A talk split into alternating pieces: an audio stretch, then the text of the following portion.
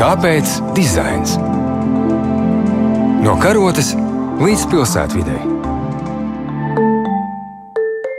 Labdien, esiet sveicināti! No šodienas ēterā jauns raidījums par dizainu. Dizainam ir daudz lielāka nozīme, kā mēs bieži nojaušam, saskatām vai apzināmies. Tāpēc šajā raidījumā mēs meklēsim atbildes uz jautājumiem, kāpēc dizains, uz jautājumiem par lietām, procesiem un idejām, kas padara mūsu dzīvi vieglāku vai tieši otrādi sarežģīto. Runāsim arī par labu, par sliktu dizainu, par to, kā tas top, kāds tas ir Latvijā un arī citviet pasaulē. Pārfrāzējot modernisma arhitekta Adolfa Losa sacīto, mēs šajā raidījumā diskutēsim par dizainu no karotes līdz pilsētai. Pētīsim gan pavisam mazas un ikdienišķas lietas, gan liela mēroga procesus, pakalpojumus un produktus. Mani sauc Ilza Dobela, un es būšu viena no raidījuma veidotājām, un mana sasaiste ar dizainu noteikti ir daudz ilgāka nekā es par to domāju apzināti. Bērnībā bija nopērkamas nērtas zandales, un tādas bija arī man, bet bija arī burvīgi spēļu vilcieniņi. Tagad, kad dizainu iepazīstu daudz tuvāk, es to redzu ne tikai priekšmetos, bet arī daudz dažādos pakalpojumos sev apkārt. Es esmu Jelena Solovjova, dizainere, pasniedzēja un dizaina kritiķe. Dizains ir tas, ko es pārnestā nozīmē katru rītu ēdu brokastīs un par ko domāju dodoties gulēt.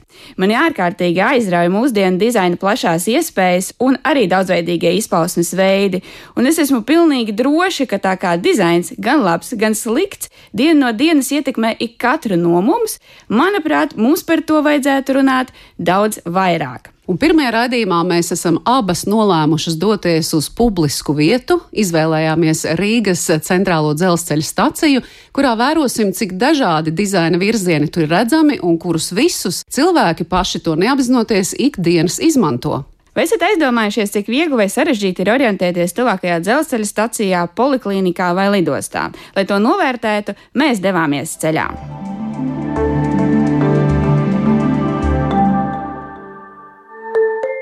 Mēs atrodamies Rīgas centrālās dzelzceļa stacijas laukumā. Ir samērā jauka diena, dzestras, un mēs gribam kaut kur doties ar vilcienu. Bet eh, pirmās sajūtas, kas pārņem esot šajā visnotaļ plašajā laukumā, tas ir mazliet tāds kā pazudis. Un gribētu sākt tomēr ar stacijas pulksteni, kurš atšķirībā no sava priekšteča rāda aptuvenās minūtes. Ir grūti noteikt, vai pulkstenis ir piemēram 5 pār 9 vai 4 pār 9, taču stacijā pulkstenim un precizitātei tomēr ir liela nozīme. Pa kurām durvīm iesim iekšā? Kuras ir pareizās mūsu izvēlētajiem galamērķiem? Mēs nezinām. To mēs nezinām. Patiesībā sakot, neviens uzraksts mums neliecina, ka šī ir ieeja. Jā, mēs esam vienā no uzgaidāmajām telpām, kurā šobrīd ir divi tablo. Viena parāda vilcienu attiešanas laiku, otra parāda vilcienu pienākšanas laiku. Tātad tur ir redzams vilciena numurs, vilciena virziens, platforma un ceļš. Un, um, cilvēkiem, kuri nerunā un nelasa latviešu, ir norādīts šī pati informācija arī angliski un krieviski. Jāatzīst ar eh, ļoti maziem burtiem, kas droši vien cilvēkiem, kuriem varētu būt problēmas ar redzi, šie burti varētu būt gluži vai nepieejami. Jā, bet mēs redzam citu informatīvo joslu ar dažādiem simboliem, kur uh, cita valoda, kā latviešu valoda, netiek izmantota. Tātad biļešu kases virziens, labierīcība virziens un uh, glabātava bagāžas ir norādīta tikai ar zīmēm, bez tulkojuma. Jā, es domāju, ka šie vizuālie attēlojumi ir pietiekami startautiski atpazīstami, lai ieraugot zaļu bultiņu, es droši vien saprastu, ka tur es varu doties un atrast, piemēram, šajā gadījumā labierīcības. Varbūt apkopojot šos pirmos tādus nelielos miedarbības punktus, kurus mēs jau sastapām savā pieredzes ceļā. Tad mēs sākām ar dažādiem ierobežojumiem pie durvīm, tad mēs izpētījām to, ko mēs redzam uz informatīvā tablo.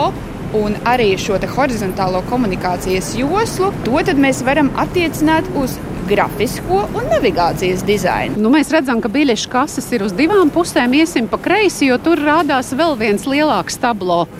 Vai tev šobrīd ir skaidrs, kur mums jāiet meklēt kases? Es redzu būtu, kas man liek atgriezties tajā vietā, kur mēs jau bijām. Ilze, pirms mēs atrodam tās biļešu kases, kas, protams, ir mūsu prioritāte, kā būtu, ja mēs pajautātu stacijas um, viesiem par viņu pieredzi?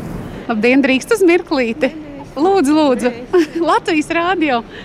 Jā, cilvēki vai nu runā pa telefonu, vai skatās pulkstenī, un ir ļoti steidzīgi. Mums ir diezgan grūti iegūt ziņas par to, cik ērti viņiem izmantot pakalpojumus. Labdien! Sakiet, lūdzu, cik labi jūs orientējaties stacijā? Diezgan labi, jā. Kas palīdz atrast vietu, kur jums jādodas? Jūs domājat, tieši stacijā uz vilciena ejot peronu? Kad pēc biļeti viņi pasaka dažreiz, kurš perons un kur jāiet. Pēc tam tu atceries vienkārši. Jums ir gadījies apmaldīties? Nē. Un kas ir tas, kas visvairāk palīdz? Kādas zīmes, norādes vai tā vienkārši jūsu pieredze? Norādes palīdz, un mēs esam rīznieki. Kā ar laiku esam sapratuši un iemācījušies, kur kas atrodas. Jā. Labi, paldies, lai jums jauks brauciens! Tikmēr mēs esam nonākuši jau trešajā dzelzceļa stācijas foajē, kurā atkal ir viens liels tablo. Un, ja es nemaldos, beidzot es redzu uzrakstu iekšzemes biļešu kases, nu tad mēģināsim iestāties rindā. Galvenais mums jāzina savs ceļojuma gala mērķis. Es domāju, kā būtu, ja mēs šodien mēģinātu nokļūt Ludzā. Cik tas būtu sarežģīti vai vienkārši? Tieši tā, jo tas ir pietiekami, vismaz spriežot pēc šīs kartes, pie kuras mēs esam nonākuši, kas nedaudz atgādina metro karti. Kas patiesībā ir diezgan pārskatāma. Tad, spriežot pēc šīs kartes, šķiet, ka Lūdza ir pietiekami attāls mērķis. Jā, mēs redzam, ka ir uh, piecas vilciena līnijas, kurās ir dažādi gala mērķi. Un lūk, arī paziņojums. Atgādinām, ka dzelzceļa stācijas teritorijā, tā izskaitā uz peroniem un vilcienos, smēķēt ir aizliegts. Paldies par sapratni! Un, nobeidzot šo domu, mēs redzam, ka ir piecas dzelzceļa līnijas, kurās mēs varam doties dažādos virzienos - skultes, valgas, zilupes, daugaupils, liepājas un tukuma virzienā. Nu, mēs tagad mēģināsim nopirkt biļeti. Tātad, kāda biļete man ir jāpērk, ja es gribu braukt līdz Ludzai? Jā. Līdz Ludzai mums iet divi vilcieni dienā. Kāda biļete man jāpērk, jo es saprotu, ka katrs maršruts ir sadalīts vairākās zonās? Zonas vairāk sadalītas, kur elektrovilcieni brauc. Lūdza, tas jau ir dizeļa zona un jums biļeti jāpērk līdz lūdzei. Ja es skrienu pēdējā brīdī, vai man ir kāda iespēja citādāk iegādāties biļeti, nevis nākt pie kases slodziņa? Jūs varat iegādāties biļeti ar aplikāciju. Jo arī pērkot interneta, biļete ir 5% lētāka. Ļoti jauki. Tā ir patīkama ziņa steidzīgajiem cilvēkiem. Un vai es varu nopirkt biļeti arī, piemēram, pašā vilcienā? Jā, kad jūs pirksiet biļeti vilciena, kase strādā tad no jums paņems papildus komisijas maksu 50 centus. Un vai jūs arī palīdzat cilvēkiem atrast ceļu, kur viņiem jādodas? Visu laiku griežās ar tādiem jautājumiem, un, protams, mēs mēģinām palīdzēt. Bet ko viņi nesaprot visvairāk? Mums ir tā pieci pēroni. Uz pirmā pērona ir gan pirmais ceļš, gan 11. ceļš, un visi cilvēki apjo, kā tas ir. Paldies, ka jūs palīdzat orientēties, un paldies jums par sarunu. Vai, Elena, tev ir kāds jautājums vēl? Varbūt mēs varam palūgt, ka jūs norādat virzienu, kur mums šobrīd ir jādodas, ja mēs vēlamies doties uz Lūdzu. Uz Lūdzu.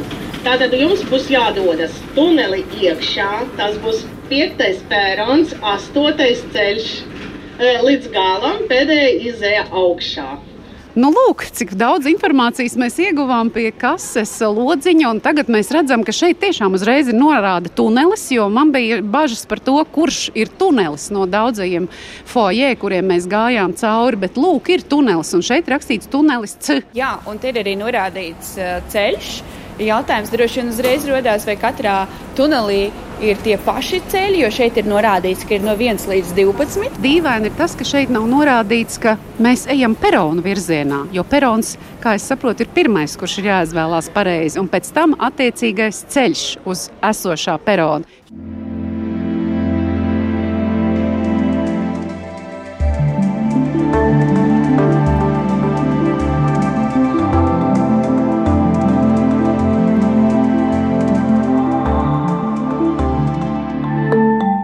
Šobrīd mēs esam tunelī, kurā vairs nav norādes patiesībā sakot. Ir tikai nelieli uzraksti, kas vēsta mums par ceļu un galamērķiem, visticamāk. kas nozīmē, ka braucot uz Lūdzu, man ir jāzina vilciena galamērķis, ka šajā gadījumā ir zilupe. Jauna maza atkāpe par trepēm, kuras mēs redzam priekšā, ir diezgan daudz un stāvu pakāpieni. Un vēl tā maza atkāpīte, ka bērnībā man šie pakāpieni likās lielāki un vairāk. Bet kā tu vērtē cilvēku piekļuvi peroniem? Es domāju, ka vienmēr, protams, arhitektiem un dizaineriem ir jārēķinās, ka tie cilvēki, kas stāvēs kāpņu lejas galā, var būt ļoti, ļoti dažādi. Viņi var būt dažāda vecuma, viņiem var būt dažādas fiziskas spējas. Un man, manā vecumā šķiet, nebūtu pārāk liels grūtības pārvarēt šo pietiekami stāvo slīpni. Taču, redzot līdzās arī rampas, kas veda augšup, es nojaušu, ka paredzēts vai nu māmiņām, kas dodas ar ratiņiem, vai arī cilvēkiem ar īpašām vajadzībām, kas pārvietojas ratiņkrēslos. Un šis jau savukārt liekas krietni lielāks pārbaudījums. Man ir pilnīgi skaidrs, ja es pārvietotos ratiņkrēslā, tad es līdz gaismai šo kāpņu galā visticamāk pats saviem spēkiem netiktu. Tas nozīmē, ka mums būtu jānoskaidro atpakaļ ceļā, vai dzelzceļa stācijā ir lifts un kādas ir iespējas šo liftu izmantot.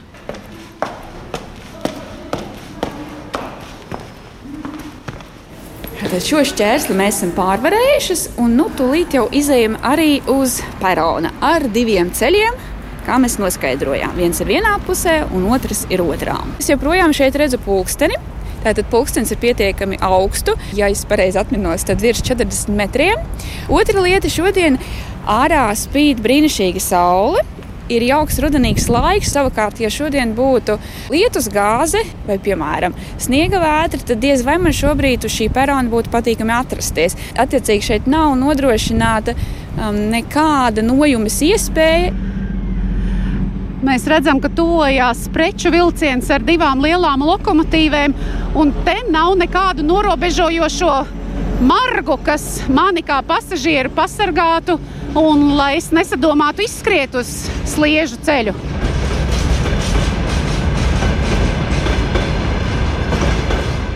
Līdzās vienīgajam soliņam pamanīja arī diezgan interesanti elementi, kas atrodas eh, virs tablo, tā kā metāla stieplīts, kuru funkcija būtu no aizbiedēšana. Tā būtībā ir vēl viena atsevišķa dizaina joma, ko sauc par defensīvo dizainu, kas ir eh, tāds nevienmēr, bet bieži ļauns dizains, kas eh, formē dažādu veidu ieradums. Un es savukārt ievēroju, ka uz viena no peroniem tomēr ir kāda ierīce, kas ļauj peroniem pacelties arī cilvēkiem ratiņkrēslā. Es domāju, ka mums vajadzētu iet un paskatīties, vai tas tiešām tā ir. Kādu papildus informāciju mēs neredzam. Es riskētu paskatīties. Tas izskatās pēc pacēlāja, vai ne? Bet kā šo pacēlāju mēs varētu izmantot, mums nav ne mazākās informācijas. Ja mums būtu līdzās kāds stacijas darbības, bet mums ir cilvēks ratiņkrēslā. Sakiet, lūdzu, kā jūs tikāt augšā uz peronu? Uzkāpt par savām kājām. Bet jūs esat ratiņkrēslā. Nu, nekas. Tā arī uzlīja augšā. Vai ir kāda iespēja dzelzceļa stacijā, ka jums kāds pavadītu liftā? Nē, nav. Nekad arī nav bijis. Nē. Mēs esam atnākuši uz peronu, kur pienāk un attiek vilciens uz jūrmalu. Tagad mēs iedomāsimies sevi tā pasažieru vietā, kurš ir atbraucis uz Rīgu, iespējams, pirmo reizi. Izkāpis uz šī trešā perona, no jūrmalas virziena puses braucot, no slokas vai no tukuma, un grib nonākt pilsētā. Kādas norādes viņam ir? Skatāmies pa labi, norāžu nav. Skatāmies pa kreisi, norāžu nav. Bet ir divas ēkas, kurās ir atvērtas durvis, un mēs saprotam, ka pa tām jāiet iekšā, jo tur noteikti ir trepes. Mēģināsim, dosimies! Un, nu, mēs esam nonākuši ar skatu lejā no trepēm, un te mums parādās divas iespējas. Doties pa labi, un mēs nonāksim Goguļielā, vai doties pa kreisi, un mēs nonāksim stācijas laukumā. Šeit viss ir skaidrs. Elizabete, es atkal vēlos vērst tev uzmanību. Ja es uh, neizprotu latviešu valodu, tad man ir tikai divas būtnes būtībā, ko es saprotu. Un šeit mēs beidzot redzam arī vienu no zīmītēm, kas apliecina, ka ir iespēja cilvēkiem ratiņkrēslā nonākt perona. Tā nu mēs atgriežamies sākuma punktā, vietā, no kuras mēs sākām. Un vienas no durvīm mūs tieši izved ārā uz stacijas laukumu. Kāpēc dizains?